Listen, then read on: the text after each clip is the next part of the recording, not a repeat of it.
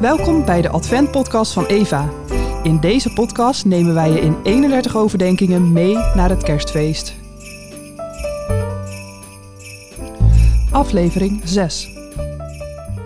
Verwekte bij Tamar, verwekte bij Ragab, verwekte bij Rut, verwekte bij de vrouw van Uria, verwekte bij Maria. Matthäus 1, vers 3, 5, 6 en 16. Jezus' stamboom bleek zo'n helder ritme te hebben. A verwekte B, B verwekte C, C verwekte D. Maar opeens een paar hobbels in de weg. Tussen allemaal mannen, vijf vrouwen. Vier met een schandalig verhaal. En dan Maria.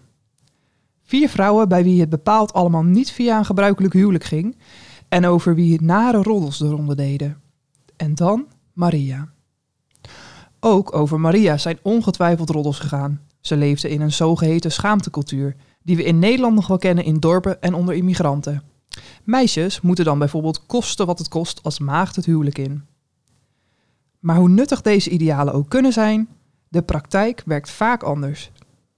De Bijbel zit vol met mensen die missers maken en met wie God toch aan zijn toekomst werkt. Ze blijven er gewoon bij horen.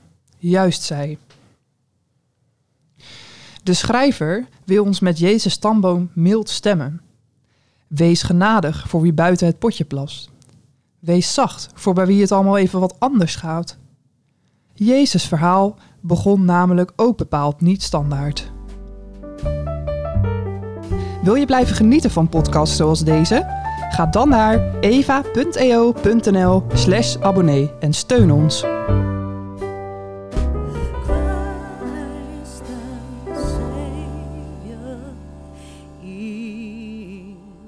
Born.